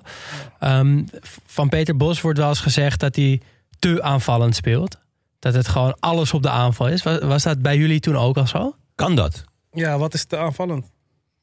Nou ja, kijk, hij, hij laat natuurlijk ook... eh, Bij Ajax heeft hij dat gedaan en bij Leverkusen en bij Dortmund altijd heel mooi voetbal zien. Ja. Alleen het is geen uitzondering dat hij er drie of meer dan tegen krijgt. En dat hij daardoor misschien wat minder hoog eindigt of geen prijs pakt. Ja, dat is misschien zo. Maar uiteindelijk kijken we daar toch voetballen, eh, voetbal voor. Ja, dus het is gewoon... Wil je als voetballer toch het publiek vermaken. En Johan Cruijff zei het ook zelf. Van, je, als je, zolang je, eh, dat hij liever wordt met eh 5-4 dan met 1-0. Ja. Uiteindelijk is voetbal een, eh, een spelletje om het publiek te vermaken. En eh, zo sta ik er ook in. Maar ik, ik begrijp je punt. En als het om prijzen gaat, dan is het misschien te aanvallen. Dan kan je misschien het best wel als een... eh, soms als je 2-0 voor staat of 1-0 voor staat... het best als een eh, Mourinho of Simeone gaan spelen. Maar had je echt dat gevoel bij Peter Bos dat het resultaat bij hem ondergeschikt was aan, aan de manier van spelen? Ja, want we wonnen wel eens met heel slecht spel. En dan was hij zagrijniger. gewoon. en eh, dan als we verloren met echt een fantastische wedstrijd. Ja? Ja. Wat goed. En eh, eh, was hij jouw eerste trainer bij, bij Heracles? Van Nee, Beek? eh, Beek, Gert, eh, Gert had ik als eerst. Nee. Nou, dan komen Gert-Jan. En dan eh, kwam Peter. Hoe groot was de stap van, van Hollandia, hoofdklasse, naar Heracles, eredivisie? Ja, natuurlijk. Het is groot. Je gaat van eh, twee, drie keer in de week trainen naar, naar elke dag. Of meerdere keer op een dag. Dus dat, dat was vooral fysiek, eh, fysiek en conditioneel eh, heel erg aanpoten. En qua niveau ook. Ja, en was het dan eh, een kwestie van sportschool en, en bosloopjes? Of ehm, meer gewoon ja, het, het hele leven als, als, als een prof beschouwen? Want je zei eigenlijk dat je in het jaar Hollandia heb je ook je puur gefocust op voetbal. Ja, klopt. Nee, het is gewoon de intensiteit, weet je. Je bent, je bent er een jaar uit geweest, zeg maar. En eh, de intensiteit wordt veel hoger. Dus het is vooral eh eerste maand. Eerste maand was het aanpoten. Ik, ik kwam met een stage daar zo. En na, na die eerste dag spierpijn, weet je wel. Want, ja, Als amateur train je drie keer in de week. Ja, je moet stage lopen. Ja, ja, je, je traint je conditie, maar je kan dat niveau, zeg maar, wat, wat zich daar afspeelt, kan je nooit nabootsen. Ah, gewoon was trainen. ik sliep toen in een hotel, was trainen, helemaal kapot. Spierpijn, ging ik in bad. Gewoon herstellen, ging slapen. En dan de volgende dag weer, weer hetzelfde, weer in bad. Gewoon proberen om zoveel mogelijk... eh Warm bad of koud bad? eh, warm bad. Ik hou niet van een koud ja, gewoon pro- proberen om je spieren gewoon zo soepel mogelijk te houden. Zodat je gewoon je, geen spierpijn hebt, zeg maar. Dat was meer mijn doel. Ik wilde geen spierpijn voelen tijdens het, tijdens het spelen. Ja. ja. Maar, eh, maar uiteindelijk, ja, uiteindelijk denk ik dat ik, eh, dat ik echt zelf heb afgedwongen eh, dat ik daar mag blijven. Wat, ja, wat, wat houdt een stage precies in? Ik lees het best wel vaak eigenlijk. Van ja, hij is op stage. Eh, is het dan... eh, eh, je mag een week eh, meekomen trainen. eh, Ja, stages verschillen. Soms, is het, soms mag iemand twee, drie dagen trainen, soms iemand een week. En dan is het gewoon puur om te kijken hoe je fysiek in elkaar steekt, conditioneel in elkaar steekt. Of je het aan kan, zeg maar, het niveau. En eh, hoe je voetballend technisch eh, in elkaar steekt. En hoe doe je dat? Hoe ga je zo'n week in dan? Ja, Doe je iets speciaals? Of laat je iets anders zien? Of let je nee, op- ik denk dat je vooral moet doen waar, waar je goed in bent. Weet je, waar zelf jou, jouw kracht ligt. En dat, dat is in ieder geval waar ik op heb gelet. Door gewoon lekker te voetballen, plezier te maken. En ja, ik, weet, ik weet dat heel veel trainers houden ervan. Ik, ik, ik ben een speler die heel veel risico in zijn spel neemt. Weet je. En dat, eh, Zit je met Peter Bos wel goed? nou, zit je dat is wel goed. Maar, Maar die kwam later. Ja, nee, tuurlijk. maar ja, Maar- gaandeweg heb ik ook te horen gekregen dat, dat ik te veel risico in mijn spel nam. En dat is de, dat, daarin zie je ook die transitie van creatieve teams naar lopende teams. Weet je, naar meer con- controlerende middenvelders. Omdat ja, trainers zijn bang dat als middenvelders risico's nemen, ja, dat willen ze niet meer. En wat deed je dan als iemand dat aan je, tegen je zei? Dat je minder risico moest nemen? Ja, dan, eh, ik, ik keek hem aan en ik dacht van ja, waar heb je het over? Dat ik ook, ja, ik, eh, je, je, je hebt me, ik zei ook van je, je hebt me toch gehaald om, om creatief te zijn. Laat me dan gewoon lekker creatief zijn. Je, dan moest ik linksbuiten spelen, omdat ik dan voorin eh, kon ik doen wat ik wilde. Zeg maar. maar ik sta op het middenveld om, om steekballen te geven enzovoort. Weet je, waarom haal je me dan? eh, ik neem aan dat Peter Bos het nooit tegen je heeft gezegd. Nee, die heeft dat nooit tegen mij. Maar het was wel een mooie, mooie tijd hè, bij Heracles. Want het toch een beetje de gloriejaren van die club. Dat jij er toen zat met, met onder andere Armenteros, Everton, Dos, Kwanza ook een beetje. Ja, zeker. Ze hebben daarna ook nog eens Europees voetbal gehad, zeg maar. Alleen, eh, ja, we hadden natuurlijk eh, voor mij eh, de hoogste plek gehaald. Eh, Zesde. Zesde Ja. plek, inderdaad. We zijn een keer achtste geworden. We hebben de bekerfinale gehaald. Weet je, we hebben echt, een- echt een heel, heel sterk team gehad. En vooral, weet je, het plezier spatte er denk ik af voor, Ja, eh, precies. voor, eh, voor de supporters. Was het ook zo leuk als dat het leek? Ik heb me altijd vermaakt in Ja. het veld. dus eh, dat is voor mij het belangrijkste plezier eigenlijk. En je moet gewoon in het veld dingen doen waar jij je plezier uit had. En kan je bewust genieten als je aan het voetballen bent? Ja. Of ben je zo met de wedstrijd als je iemand- bezig? Als je mensen helemaal wegtikt. Ja, dan- Ja. ja. ja. Dan kan je tijdens de wedstrijd... Ook onderling, weet je, dan loop je alleen met de ouwe zo. Ja, dus dat is gewoon leuk. En met wie, eh, met wie had je dan zo'n klik dat je daar samen van kon genieten? Je had eh Duarte, had je, je had Everton, je had eh Vejinovic, Marco. Oh ja, mooie speler. Echt, al die Ja. middenvelders, weet je, waren alleen maar aan het kloten van, weet je, geef mij de bal. Als iemand op doel schoot, ja, gierig, weet je. Ik ben niet zo gierig. Doorcombineren. Ja, Ja. gewoon alleen maar dat soort dingen, weet je. Dat is gewoon mooi. Ja, ah, goed. Ehm, Even kijken, waar, waar zitten we? Nou, ik was nog wel benieuwd. Dat, dat, maakte dat kunstgras uit? Ehm, nou, daar werd wel over gesproken altijd, zeg maar. Alleen eh, in mijn tijd dat, dat ik er speelde, hadden we zesde plek. Ook met, eh, hadden we uit, op een gegeven moment hadden we gewoon uit meer punten gehaald dan we thuis hadden gehaald. Weet je? Dus wat dat betreft maakt de kunstgras niet heel veel uit. En voor jezelf? Vond je het fijn?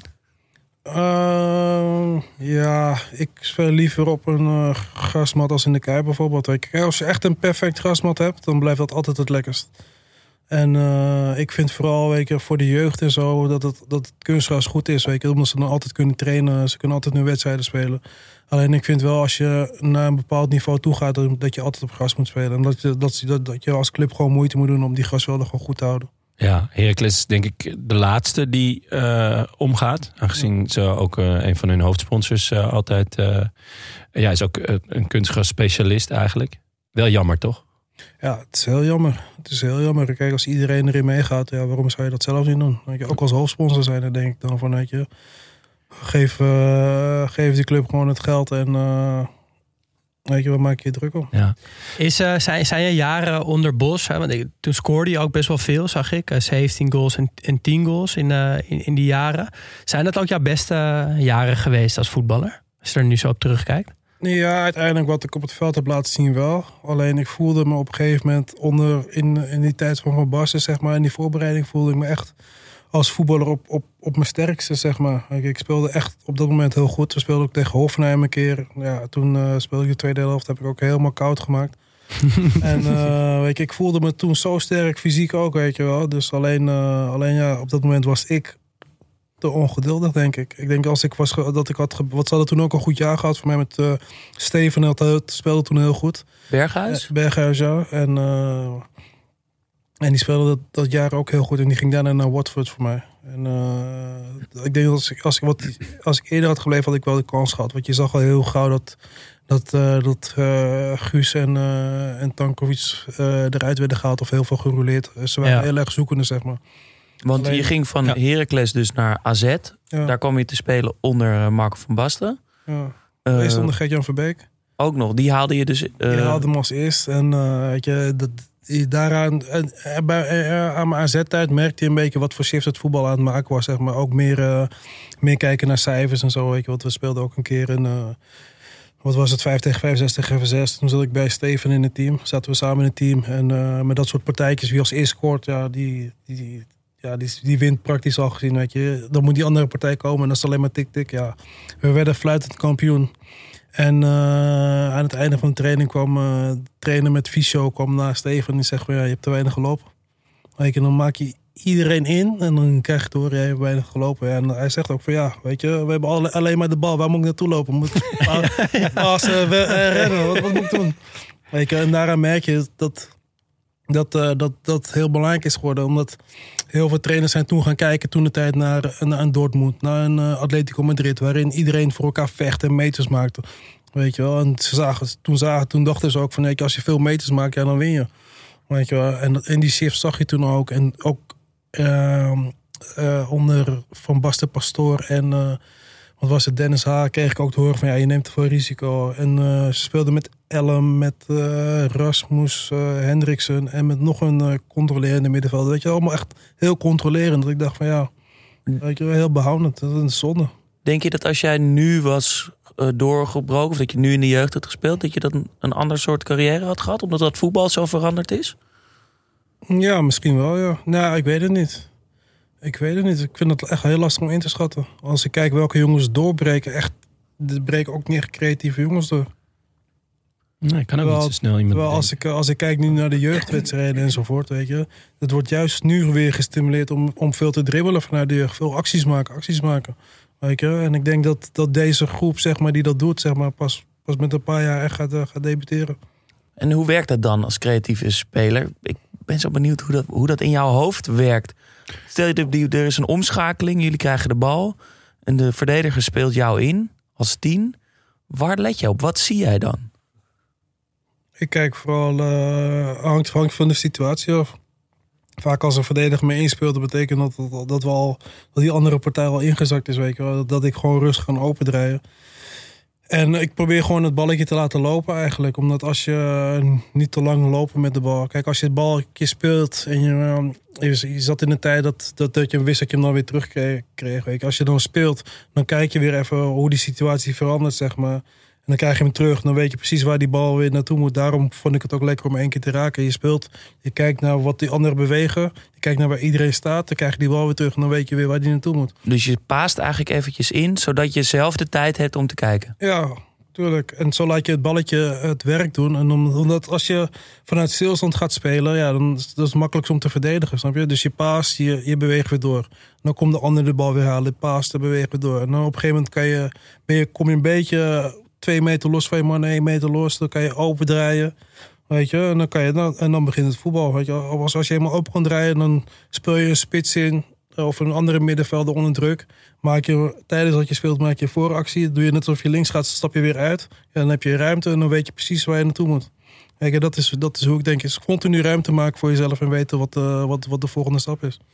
Ja, we hebben vorige, vorige uitzending een, eh, een onderzoek van, ja, van een voetbalwetenschapper aangehaald. Die dus constant een camera op Kevin de Bruyne had. En dus keek hoe vaak de Bruyne om zich heen kijkt als hij de bal niet heeft. Dat is eigenlijk precies wat jij omschrijft. Ja. Die is constant aan het scannen om te kijken waar de ruimte ligt, waar hij naartoe kan passen, waar hij naartoe kan lopen.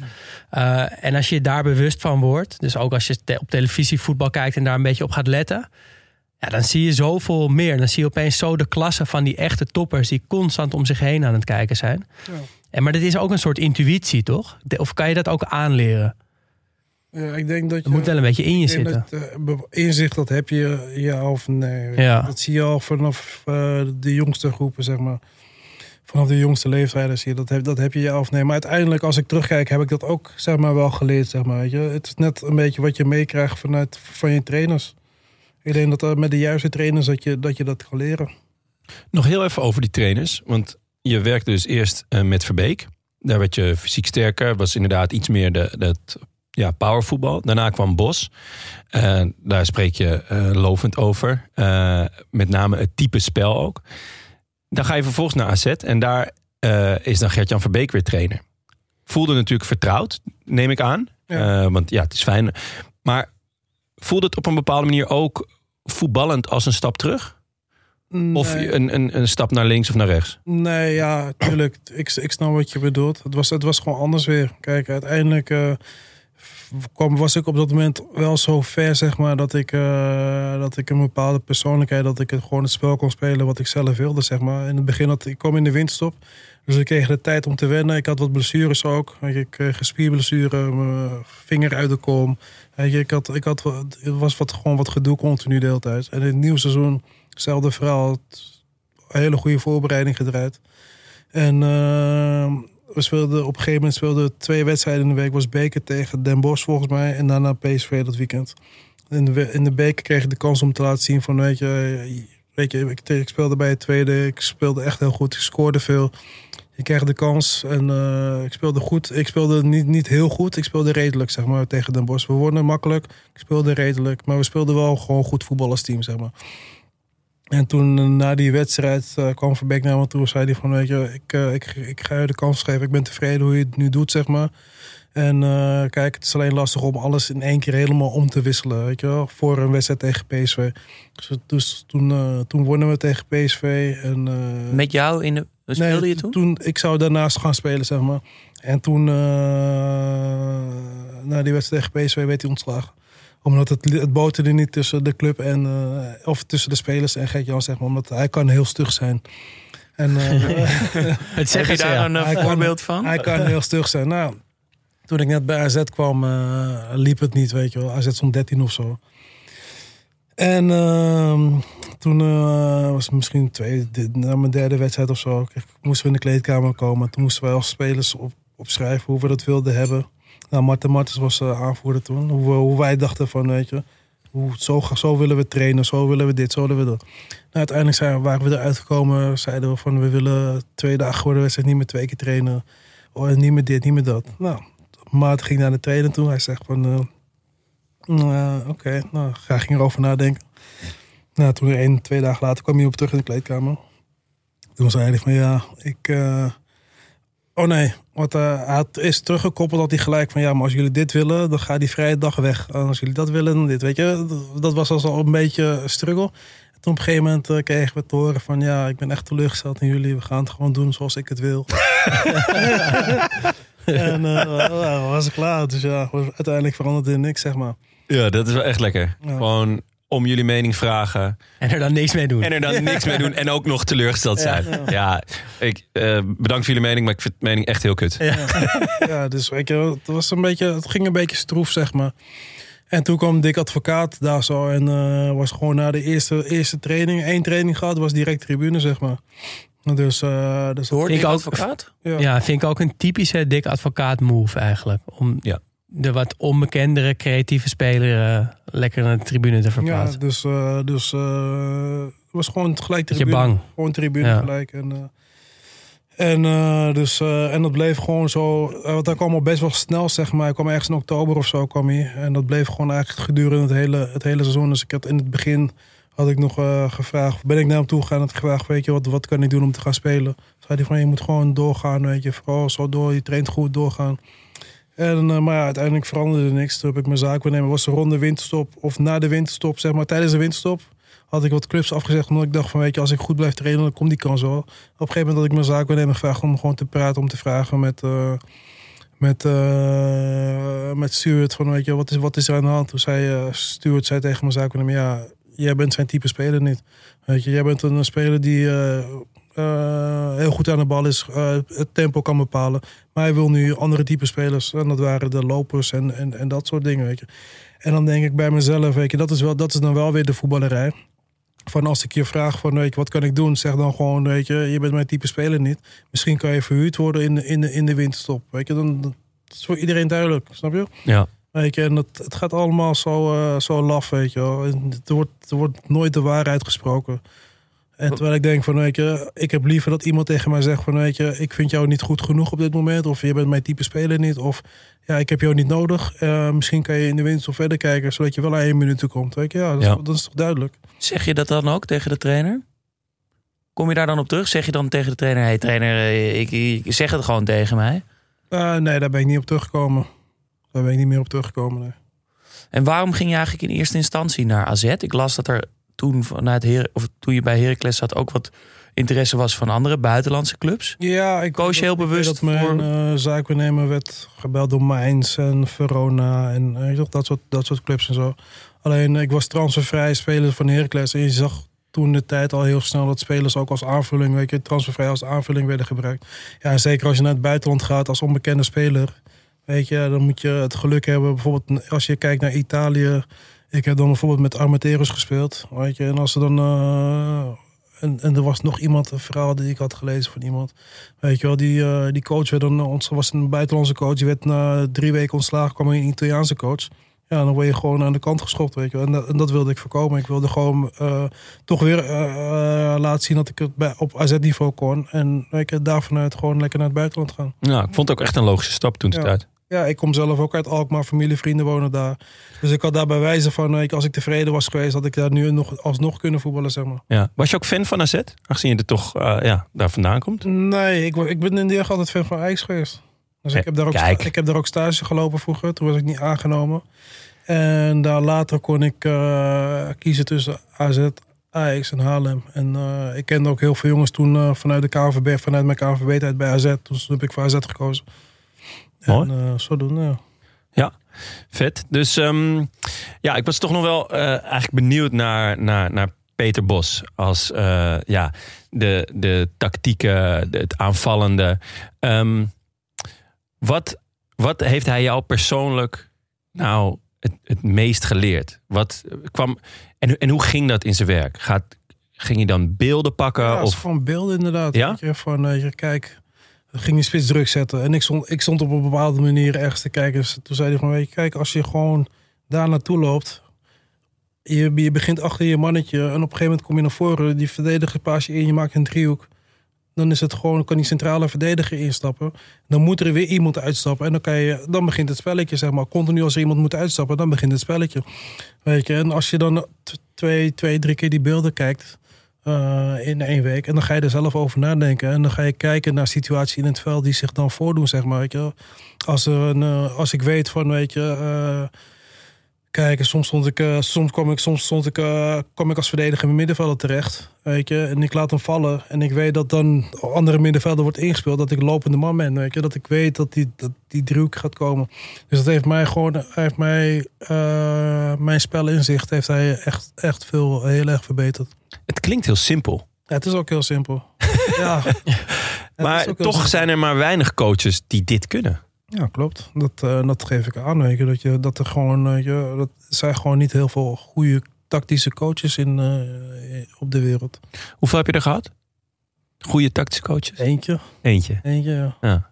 Ja, dat vind ik toch... Er zijn denk ik En, ook eh, spelers die nooit een goede coach krijgen. Nee, ja, ik, voor- als ik voor mezelf spreek zeker niet. Maar eh, ik hoop dat ze luisteren trouwens. Nee, maar maar goed, nee, ja, je moet, dus, je moet, een, je moet een, eh, een team moet je aan het voetballen krijgen. En hoe ga je, hoe ga je voetballen? En dat, als je, je kan alleen voetballen, goed voetballen, door te herkennen hoe een tegenstander druk geeft. En als je weet hoe een tegenstander druk geeft, dan, kan je, dan ga je er onderuit kunnen voetballen.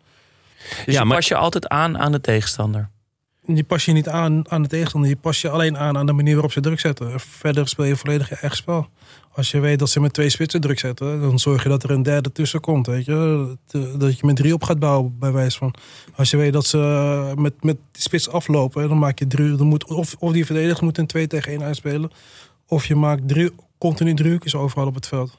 Zou je zelf niet eh, trainer eh, willen worden, als ik je zo hoor? Of, of assistent trainer? Of Nee, iets ik in die richting? Ik, ik weet zeker dat ik een hele goede trainer kan worden. Alleen. eh, aan vertrouwen denken wij ook. Ik, ik, ik spreek Maarten Martens ook wel eens. Die is trainer bij Jong AZ. Ja. Mooi voetballer. Weet je, en dan denk ik van moet hij ook allemaal dingen op de laptop doen en dit en dat doen. Weet je, er komt er heel veel bij kijken. En dan kom je. En ik weet van mezelf vanuit mijn voetbaltijd hoe spelers zijn. En die zeuren altijd. Weet je wel, dan is dit niet goed, dan is dat niet goed. En dan krijg je weer zaakwaarnemer. Dan gaan ze naar hun zaakwaarnemer toe eh, klagen. Dan gaan ze naar die toe klagen. Dan gaan ze naar de technisch directeur klagen. Was je zelf ook wel zo? Nee, Nee? ik klaagde echt nooit eigenlijk. Dus eh, ik kon, kon het prima zelf. Ik kon prima met de trainer praten. Maar je hebt ook jongens die met de trainer praten. En dan zegt de trainer wat.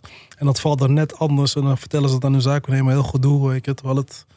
Weet je, en dat is allemaal hoofdpijn. En daar heb ik eh, voor nu nog geen zin in. Maar eh, misschien over een jaartje of vier, vijf. Dat, eh, dat ik denk van, ik ga toch mijn papieren halen. Kijken of het wat wordt. Ik vind het toch opvallend, want dit beeld past helemaal niet met mijn beeld van jou als voetballer. Je, je praat zo, zo tactisch en zo over de tegenstander en, en ruimtes maken en combinaties aangaan. Terwijl ik jou toch ook zie als een hele creatieve, technische speler met een actie, met een schot.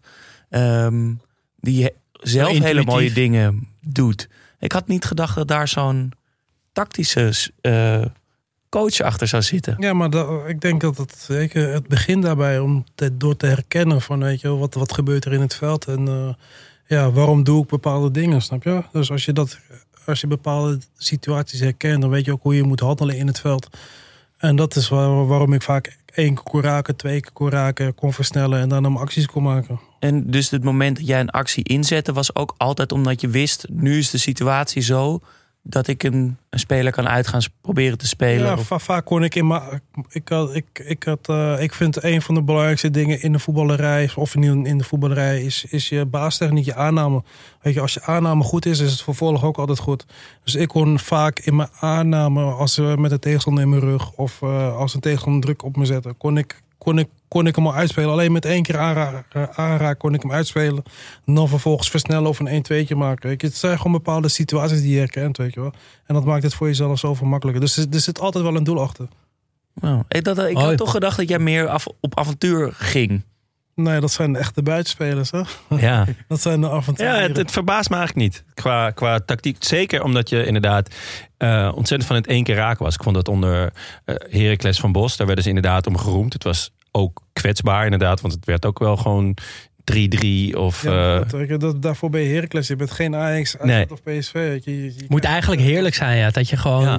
dat mag. dat mag. Maakt ja. niet zoveel uit. Ja, je mag gewoon fouten maken. Ja. Snap je? Kijk, tuurlijk, niemand wil verliezen. Want als je verliest, is het net eh, is het gewoon één grote Ja, poppenkast. dat is Moet je- altijd zo. is iedereen zagrijnig en eh, Ja, je iedereen de hele, is niks mogelijk de hele week. Voor de luisteraar, hij doet aanhalingstekens erbij. Eh, en, en, dan win je, en dan win je volgende week en dan is het allemaal weer Hosanna. Ik, ik, dan denk je van ja, ik, het is allemaal ook wel een beetje poppenkast. Ja, wa- wat, wat is de podcast er dan aan? Eh, hoe, hoe lang zat jij bijvoorbeeld met een verliespartij? Ja, gewoon, eh, ik kon een avondje ermee, zat ik er echt goed mee. weet je. Ik kon ook wel eens ruzie maken, een avondje. Alleen eh, daarna, de dag daarna slaap je, sta je op en dan denk ik van ja, je hebt verloren. Is dat het ergste wat er is? Met wie maakte je dan ruzie?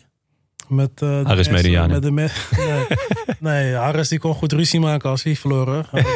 Eén keer op de training hadden we was partijtjes tijd. Weet je, was Luc Nijholt was trainer. Maar alleen eh, Luc Nijholt is, eh, is ook bekend van die, wat was het, eh, kleedkamer of paskamermoord in Schotland was dat voor mij. Oeh, dat is... En dit verhaal niet? Nee? Hm? Vertel maar. Ja, ik, ik ken dat verhaal niet. Dat moet je even opzoeken. En dat is gewoon een paskamermoord in Schotland. Dus dat zijn, vri- zijn vriendin werd vermoord in een, in een paskamer, zeg maar. Wow, echt?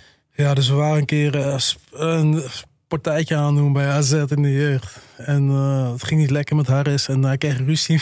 hij, hij kreeg ruzie met Luc. Op een gegeven moment werd hij, als Harris gek wordt, hij is rustig. Hè? Ja, Als- ja. Hij is heel emotioneel. Als hij gek wordt, wordt hij gek. En hij begon hem te schelden. Hij zegt, jij hebt hem vermoord. Hij, hij, trok, hij trok zijn schoenen uit en gooide zijn schoenen. ik dacht, wat gebeurt hier? Dacht ik. Het gaat wel ver, hè? Oh, Harris. dat was, Harris. eh, oh, ik neem aan dat hij wel sorry heeft gezegd. Ja, ik, eh, daar ga ik wel vanuit. Zo ja, kennen we hem ook echt, eh, ik dacht, wat gebeurt hier? Ja, nou, ik heb het heel even opgezocht. Het was in 84 ehm, dat Sandra van Raalte in een boutique in Zaandam werd vermoord, inderdaad. En Luc Nijholt was toen de tijd haar vriend. Ah, Ja. oké. Ja, dat, dat, dat, Ja. daar was, ik was daar niet op de hoogte van. Toen, Nee. toen hoorde ik dat van ja, toen ging ik daarna ging ik opzoeken wat er gebeurd was. Toen was ik thuis. van, oh. Wauw. Oh. Ja, dat is wel een, serieus. eh, Ken je dat ja. verhaal? Ja, moet je- Je, je had, je had een, eh, die, die weet van niks, maar die gaat gelijk even bellen. Hij werd helemaal gek. Ik kan Ja. me dat zo goed voor de geest halen. Het was gewoon zo'n dag als vandaag, een mooi weer, zonnetje. Geen, totaal geen reden om te stressen. Schoenen vloog naar, naar die trainer. Ja, die trainer was, was helemaal stil. Hij zei niks. Weet je, dat, Nee. dat begreep ik. Weet je. Is best Ja. wel een eh, gevoelig dingetje, denk ik. Ja. Ja, dat kan ik Ja. me voorstellen. Kom op. Maar Luc, Luc was de, is denk ik de beste trainer gehad die, eh, geweest die ik in de jeugd heb gehad. Ja? Ja, Is hij de vader van Gianluca? ja van Ah, ja, mooie linker had hij. Ehm, kom je nog wel eens bij Heracles? Ik kan me voorstellen dat je daar best... Nee, Eh, Ja, ik zag laatst een filmpje dat eh, Everton ja, ja. was langsgekomen. En die had volgens mij eh, nou, zijn haar blauw of paars of zo geverfd. En hij, hij sprak met zoveel liefde over Heracles en over Ja. Nederland. Hij sprak ook nog een beetje Nederlands. ja, klopt. Ik spreek Dat is mooi om te zien. Het is een leuke, leuke jongen. Ja. Maar ik kom er eigenlijk te weinig. Ik, ik, heb, eh, ik heb een gezin, ik heb kinderen. Weet je, dus ik sta liever in, in het weekend langs de kant dan dat ik eh, die kant op ga, zeg maar. Ja. Heb je wel warme gevoelens bij Heracles? Ja, zeker. Ja? Ik heb natuurlijk ik heb 4,5 jaar gewoond. Ik heb er echt een toptijd gehad. Merk je dat? Dat dat anders is als je in Heracles of in Almelo komt? Dat je, dat je echt als held onthaald wordt? Ik kom er niet meer. Dus. Dan moet je er toch eens heen gaan. Ja, Ever- Everton kreeg een warm welkom. Ja, dus die kreeg een ook warm krijgen. welkom. ik Ja, heb geen je. idee. Ik ga er, mijn zoontje vragen wel eens je, om, eh, om gewoon wedstrijden te kijken. Dus eh, misschien ga ik binnenkort even. Gaan we lekker een keer meenemen. Ja, ik was laatst in Amsterdam. We reden spelersbus daar zo. En eh, toen stond ik aan de kant. Dus toen eh, zagen ze me. Dus een van die trainers zei van eh, dat is jullie. De ander zei van nee joh. Dus de, de chef die belde me. Dus het was inderdaad zo van... eh, van ja, dat was ik. En je moet binnenkort even langskomen. Ja. Toen zei ik van ja, ik kom, kom wel een keertje langs. Leuk, leuk. Hey, en eh, in je tijd bij Heracles maakte je ook je debuut voor Cameroen, volgens mij. Ja, klopt. Hoe is dat eh, gegaan? Want, want je hebt voor het Nederlandse elftal gespeeld eh, onder 15, 16, 17, 18, zoiets? Ja, tot Olympisch team. Dat was Ja. toen onder 23 van mij. En ehm, daarna zat ik heel dicht tegen het Nederlands elftal aan. Mijn zaakman heeft ook een paar keer met eh Van Marwijk gesproken, zeg maar. Ik scoorde dat jaar, wat was het, 15 goals Ja. of zo, 16. En, eh, maar Wijnaldum deed het ook heel goed. Die scoorde ook 15, 16 goals. En hij was al bekend met Van Marwijk. Hij speelde bij de grote, grotere club natuurlijk. Ja, dus, dus toen gingen ze die oefentrip in Brazilië maken, was die tijd, zeg maar. Toen werd hij opgeroepen.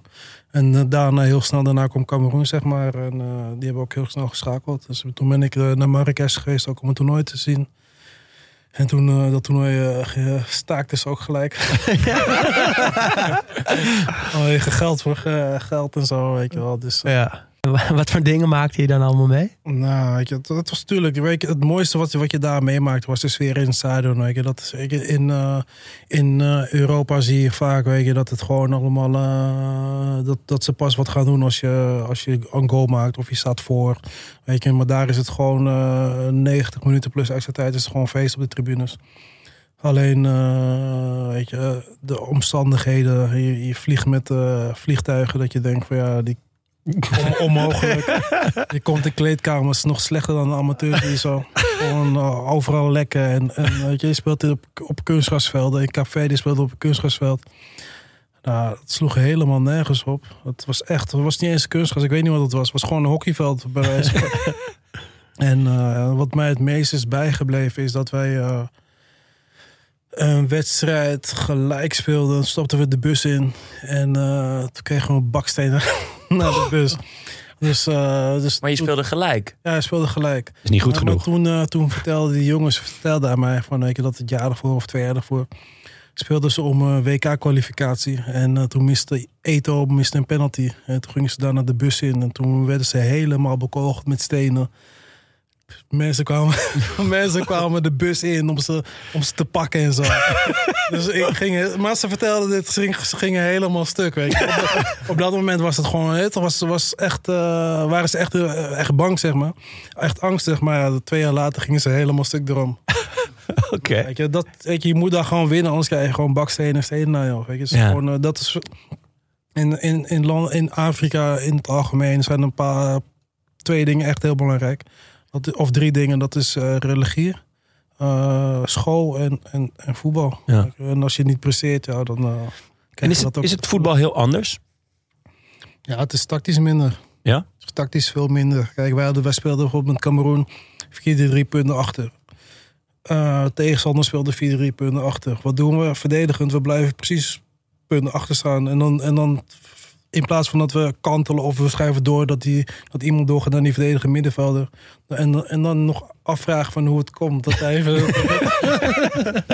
dat hij vrij staat, weet je. Dus het is tactisch allemaal wat minder, weet je wel. ik kan me voorstellen dat dat dan ook wel lekker is voor jou. Ja, Zeg maar, omdat je tactisch natuurlijk goed was. Het je kon ook- wel lekker voetballen Dat dan. was ook lekker voor mij. Alleen, weet je, ik, ik zat met de coach die, die me had opgeroepen, maar mij de kans niet geven, gaf. We waren een keer vier weken. De eerste keer dat ik echt, echt, eh, echt daar moest zijn, was gelijk vier weken van huis, zeg maar. Met eh eh, Afrika Cup kwalificatie en WK kwalificatie, zeg maar. Je, en ik weet dat eh, weet je, de laatste week of zo kwam Alex Song kwam naar mij toe in de bus. Kom even naast me zitten van. Oudspeler van Barcelona en Arsenal. Ja, die zei van, weet je, we zien allemaal dat je het niveau aan kan, maar je moet gewoon geduld hebben, weet je. Je, je, je tijd komt wel. Weet je wel, dus ik was echt, ik was echt zagrijnig. Ik keek om me heen, ik zag eh, wat die jongens deden. Ik dacht van, ja, Ja. weet je. Dus, eh, dus toen kwam, op, dat moment, op dat moment kwam hij ook naar me toe. Zei hij van, ja, je moet geduldig zijn, eh, enzovoort, enzovoort, weet je. Speelde ETO toen ook nog? Eto heeft, had ruzie ook daar zo. met de Bond of met eh, ik weet niet wie. En eh, je had sowieso twee kampen en, in het team. En, eh, maar hij, hij heeft wel een paar keer meegedaan. Welke, wat, twee kampen? In, in welk opzicht? Nou, je had Et- kamp Eto en kamp Song. Want Alex Song, zijn oom is Ricobert Song. En die had Oh ja. sowieso problemen met Eto, zeg maar, toen, toen de Ah, tijd. Ja. Weet je wel, en eh, dat, dat boterde allemaal toen niet, weet je wel. En daardoor is hij ook een tijdje niet geweest bij de nationale ploeg. En ook met die staking toen, weet je wel. Dat Ja. kwam ook door hem. En toen is de aanvoerdersband afgenomen, is hij geschorst geweest. Dus er is altijd, er is valt altijd genoeg te beleven daar. Ja, ja. Wie zaten er nog meer in dat team?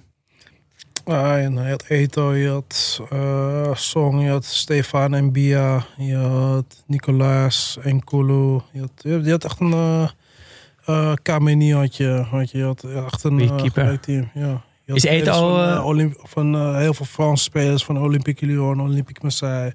Ik echt, echt leuke spelers. Is ETO de beste met wie je ooit op een veld hebt gestaan?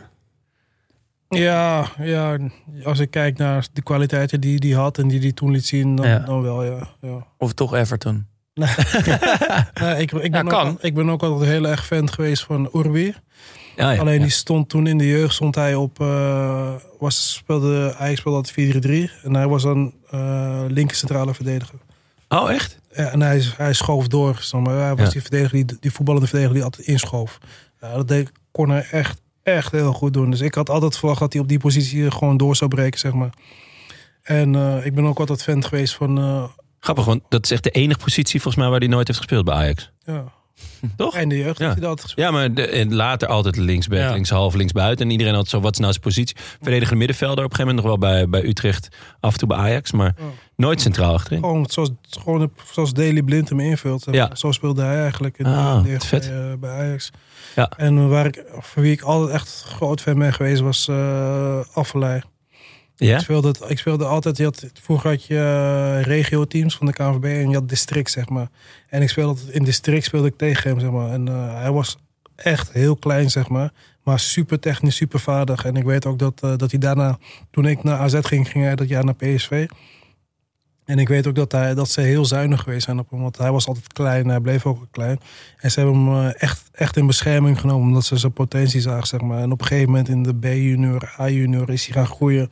Ja, toen ging het echt snel. Is echt een hele goede speler.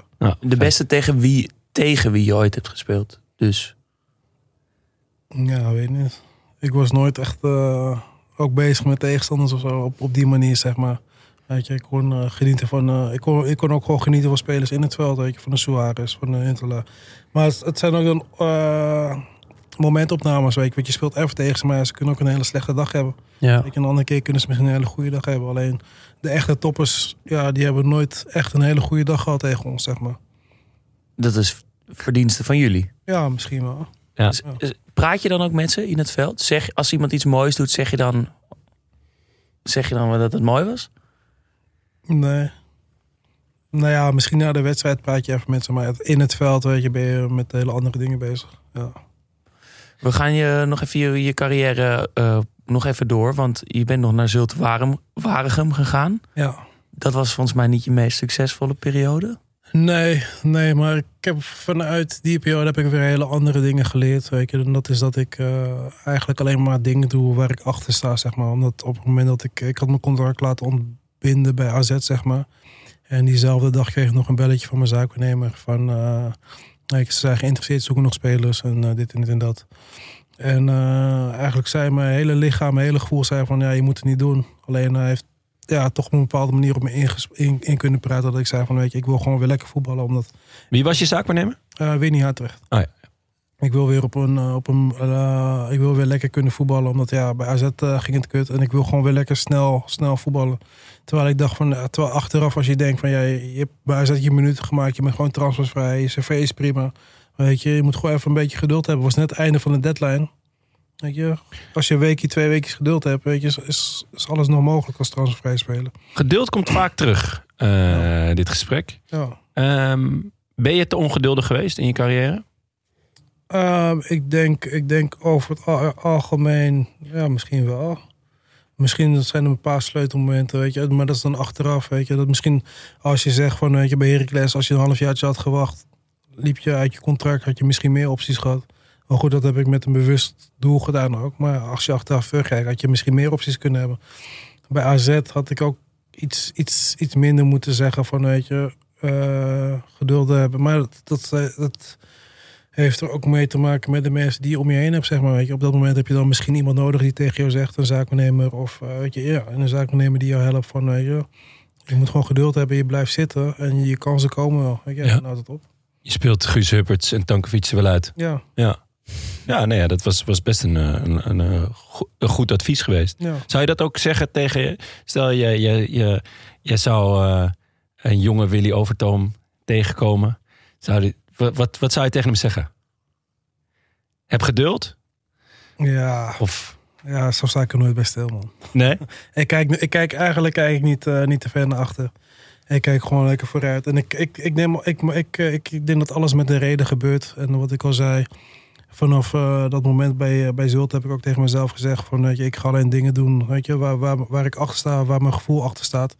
En eh, daarna heb ik ook heel snel gezegd van weet je, ik stop ermee. Want ik kreeg een aanbieding. Ik ging met Jurgen Streppel zitten. Ik kreeg een aanbieding. En eh, een week later kreeg Willem ik... weer- II? Ja, ik, Ja. Kreeg, ik kreeg daarna weer een aanbieding.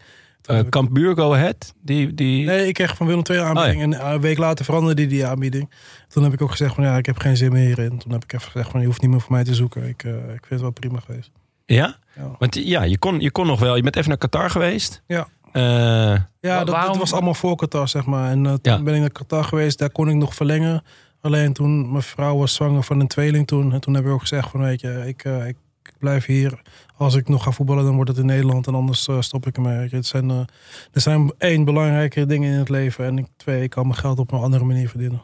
Was dat, was, ging je naar Qatar vanwege de, de, de, de normale reden dat voetballers naar Qatar gaan? Want- Of was er meer waarop Het je zei van weer. nou, mijn, mijn gevoel zei ja, was er een sportief plan, was er een trainer, was er Eh, plezier in voetbal terug te vinden? Ja, ik, ik, ik had een tijdje als stage gelopen in Qatar, zeg maar. En eh, daar heb ik bijvoorbeeld Said Boutahar leren kennen, Joad Ahanag. En ik, heb, ik had er eigenlijk wel een, een hele leuke tijd gehad. Weet je. Weinig politie, eh, weer is mooi. Omstandigheden zijn goed, weet je. Dus als, als, eh, als, als, als eh, die kids ouder waren geweest, of eh, weet je wel, iets ouder, of die tweeling was het op dat moment nog niet, was ik misschien langer gebleven met het hele gezin. De scholen zijn goed, omstandigheden waren goed, weet je wel. Dus daar kijk je ook naar natuurlijk. en toen eh, nou ja, kwam je terug uit Qatar. Toen waren er best nog wel wat clubs geïnteresseerd. Toch? Of niet? Ja, go ahead, toen de tijd nog. Ik heb, ik heb daarna, na Qatar heb ik wel eigenlijk eh, bijna niks meer gedaan.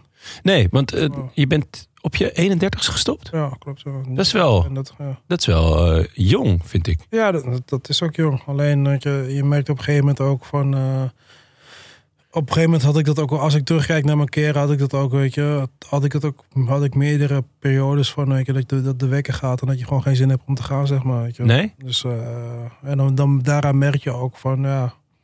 Misschien, misschien is dit het toch niet, snap je? En daarom is plezier voor mij het belangrijkste. Omdat als je plezier hebt, dan gaat alles vanzelf, zeg maar. En als je er geen plezier in hebt, ja, dan moet je gewoon verder kijken.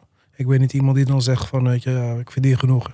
Ik ga het lekker forceren. Omdat als je, Ja. eh, als je er niet achter staat, ja, dan heeft het voor mij ook geen zin. Een dappere keus. Om, Ja. er zijn toch heel veel mensen voor wie eh, het een droom is om Ja. profvoetballer te zijn. En, en daar alles, eh, ja, alle, alle oogkleppen op doen. Maar bij jou was gewoon op het moment dat het plezier voorbij was.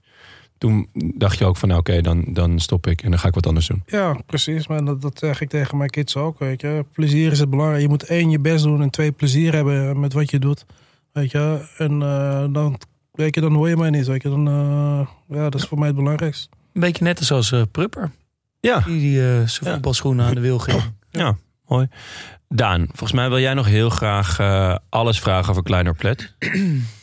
Nou ja, we hebben het al een beetje over hem gehad. maar, andere dingen. Maar ik, eh, ik ben zelf groot fan van uh, Plet. Ik vind het gewoon een heerlijke voetballer. Kla- Ha- ha- Hadden jullie eh, een goede klik in het veld? Ja, zo ook buiten het veld. Is echt een, uh, is echt een topgozer. Dat is echt een, eh, echt een hele leuke gozer. En een goede spits, toch? Hij, volgens mij lijkt me tenminste als nummer 10. eh, hij is natuurlijk niet heel snel, geloof ik. Maar volgens mij ziet hij het spel goed. Goed aanspelpunt. Ja. Die 1-2'tjes kan je met hem opzetten. Ja, ik, had, ik heb sowieso een klik met eh, wat, de wat langere, wat langere spelers. zeg. Ja. Ik had dat ook met Bas Dos, zeg maar. Die stond voor Kleiner eh, in de spits. Alleen, eh, ja, we, we voelden elkaar gewoon goed aan. En ik vind het ook lekker, omdat, zoals jullie al zeggen, ik ben van de 1-2'tjes. En, Ja. en hij is gewoon een aanspelpunt. Hij is gewoon inspeler doopwegen, weet je wel. Dus dat, dat, vind, dat vind ik heerlijk. En hij kan ze ook eh, heel makkelijk afmaken. Ja, Dat, dat, is, dat is nog beter natuurlijk. echt een mooie spits. Geef je liever dan een assist? Hm? Vind je dat lekkerder, een assist geven? Ehm, ja, net, net zo. Net zo. Voor mij is het net zo. Of voor voorassist vind ik ook prima. Als je een mooie actie hebt gehad, je steekt iemand weg. Ja. Geeft een voorzet, ja. Als er niks moois dan, eh, dan, eh, dan een assist of voorassist, ja. En eh, je was ook eh, een penalty specialist, toch? Ja, Of tenminste, ja, ja, ik schoot ze prima binnen. Ja, ik- want ik zat ze terug te kijken en het lijkt wel alsof jij een hele duidelijke strategie had met penalties. Namelijk heel rustig. Ja, ik kijk naar de keeper. Ik kijk niet naar de bal. Dus ik kijk ik weet waar de bal ligt. Ik, ik, ik weet hoe je, als, hij, als ik weet waar die ligt, weet ik hoe ik moet raken. Maar kijk puur naar de keeper. Omdat als je, als je gewoon. eh, straks komt. eh, wat is het? eh, Champions League finale gaat aankomen. Er gaan nog meer bekerfinales gaan komen. Als je kijkt naar die shootout, zeg maar. Je ziet keepers gaan altijd één of twee seconden voordat, voordat de penalty nemer geschoten heeft. Kies, dat zie je ze al gaan, zeg maar. Dus daar wachtte ik op. Ik wachtte gewoon op die beweging dat ze zouden gaan. En dan kon je gewoon rustig die andere ook kiezen. Hey. Maar je zegt rustig, maar dat is alsnog een split second waarin je nog moet beslissen. Ja, maar Dat is als, trainbaar. maar als, hij lang, als hij lang blijft staan, hoef je hem eigenlijk alleen maar hard in de hoek te schieten. Ja. Ja, normaal, gaan, normaal gaan ze vroeg. ja, dit is een, dit normaal is gaan een ze, normaal gaan ze gevoelig vroeg. punt. Snap je? Normaal gaan ze vroeg. Jonne, Jonne en ik hebben hier altijd discussies over. Want ik, eh, wij nemen allebei de penalties in, op, op ons bescheiden niveau. En ik doe het op jouw manier. En Jonne die heeft een eh, vaste hoek waar die hem gewoon hard gewoon in altijd linkerbovenhoek. En ik probeer ook altijd uit te leggen van ja, die keeper die duikt altijd een hoek in. En als je die daar focust, kan je hem zo de andere Totdat hij een keer eh, blijft staan. Ja, maar Ja, dat Willy als- zegt. Ik, ik Ja. hoop juist dat hij blijft staan. Want Ja. dan hoef je alleen maar... Je hoeft niet eens hard. Gewoon maar zuiver. Dan redt hij het nooit. Dan redt hij het niet.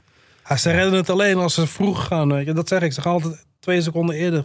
Ja, dan heb je, dan heb je hem. Weet je, als, als hij goed gokt, dan heeft hij hem. Ja. Ja, ja. Of als je hem verkeerd raakt. Want je ziet heel vaak penalties die gaan, eh, gaan nog zo'n stuk van de, van de hoek af. Ja, nou, ik, ik ben. eh, mijn, mijn penalty tactiek was gewoon. De, de 10.000 uren regel. Gewoon altijd. Na elke training. Gewoon nog een stuk of 10 schieten. En altijd gewoon linkerbovenhoek. Totdat je het kan dromen, zeg maar. En als je hem gewoon strak in de, in de linkerbovenhoek schiet. dan kan de keeper er nooit bij, hoe vroeg hij ook gaat. Nou, maar goed, ik, ik schoot hem ook wel eens in de... Ik probeerde hem ook wel eens in de bovenhoek. Maar je kan ook een latje meepakken. Of je kan hem ook een keer verkeerd raken. Dat hij Ja. lekker op een duikhoogte komt van de keeper. Ja, ja, ja. Pijnlijk voor mij. Nee, maar kijk, ik, Ja, ja. Gewoon, ik kijk altijd van, weet je, hoe kan ik mijn kans vergroten om te scoren, weet je. Ronde 16 is het gewoon altijd binnenkant voet plaatsen. Ja. Verder weg is harder schieten. En, en, en de penalty kijk ik nou eigenlijk wat de keepers doen. Als ik weet van die keeper gaat vroeg. Kijk, tuurlijk heb ik ook een vaste hoek. Als ik weet van de keeper blijft staan, heb ik altijd een vaste hoek. Ja. Maar als ik weet van, ik kijk van tevoren, het dag van de, voor, de wedstrijd, kijk ik van, weet je, hoe die keeper reageert. Dan weet ik al van, hij reageert zo. Ik moet gewoon rustig blijven. En dan weet ik gewoon nou, dat, dat hij die hoek in gaat duiken. En dan kan ik die andere hoek kiezen. Ja, komt zo berekenend en eh, analytisch over. ja mooi. Als voetballer, echt mooi. Zeker. Ehm vrij trappen willen we nog even over hebben? Ja, misschien als laatste. En dan eh, hebben we volgens mij je hele carrière gehad. Ja, in mijn herinnering had je, had je een, een bepaald type vrije trap. De bal ehm, hing vrij stil in de lucht. Dus niet... dus Er zat geen...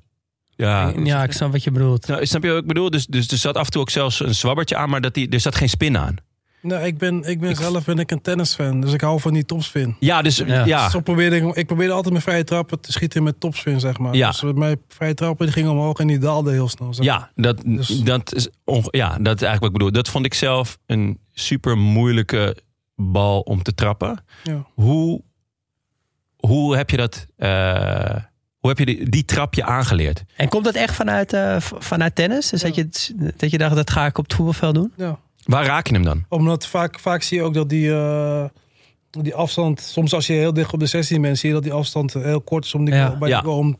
En de- ik kon juist van dichtbij kon ik echt lekker schieten, zeg maar. Ja, Alleen je raakt hem echt helemaal onderaan de bal. En je, geeft hem, je probeert hem die spin mee te geven, zeg maar. ja dus helemaal onderaan de bal en dan een lange of een korte beweging. Een korte. Ja, Ja. Ja, dat is net alsof je inderdaad een tennisracket ja inderdaad. Ja. Ja, een be- eh, ja, een beetje tafeltennis zelfs Ja. bijna voelt het. Zo- Meer lessen vanuit het tennis?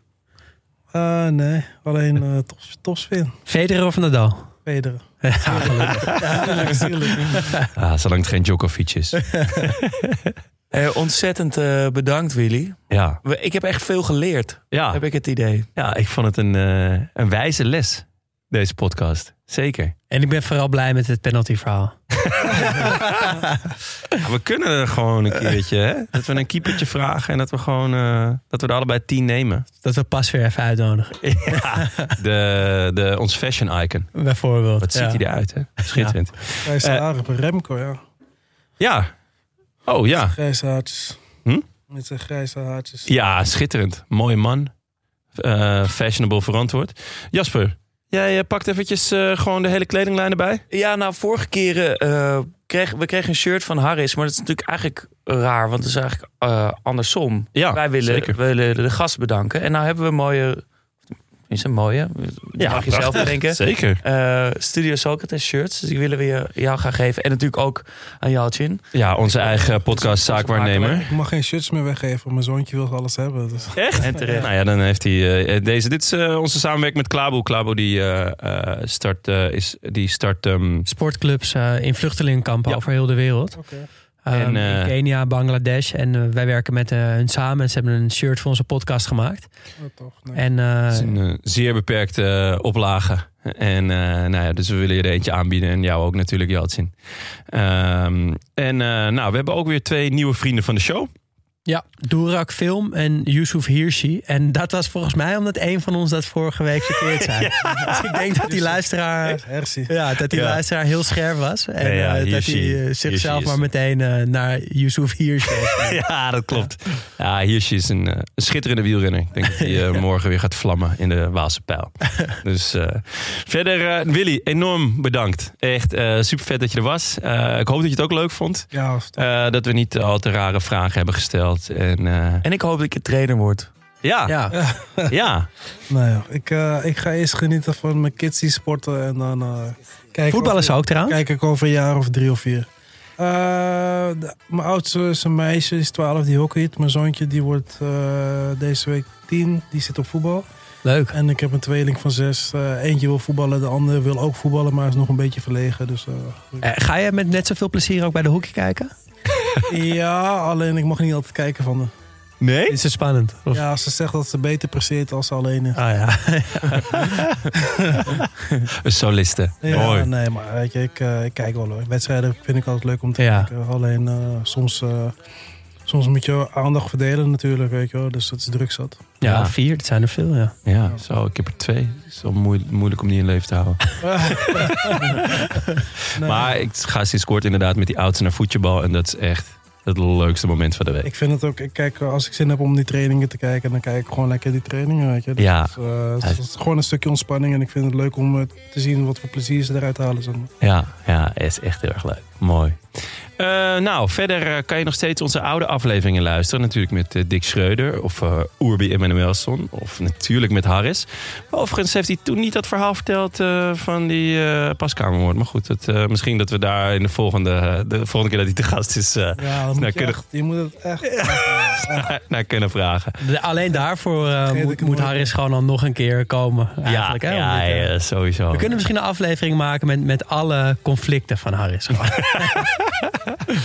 Alle fitties, heerlijk. Studio Socrates wordt mede mogelijk gemaakt door Dag en Nacht Media en Toto.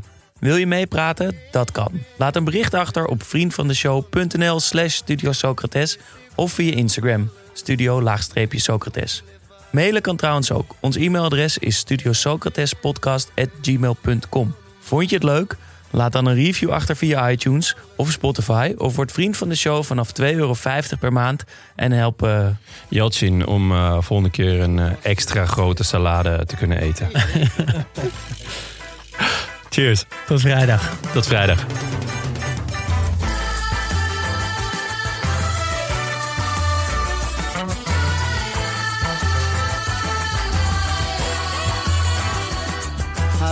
Beleza é você, menina, no seu jeito de olhar. O sucesso é você, menina, menina, no seu modo de andar. Alegria é você, menina,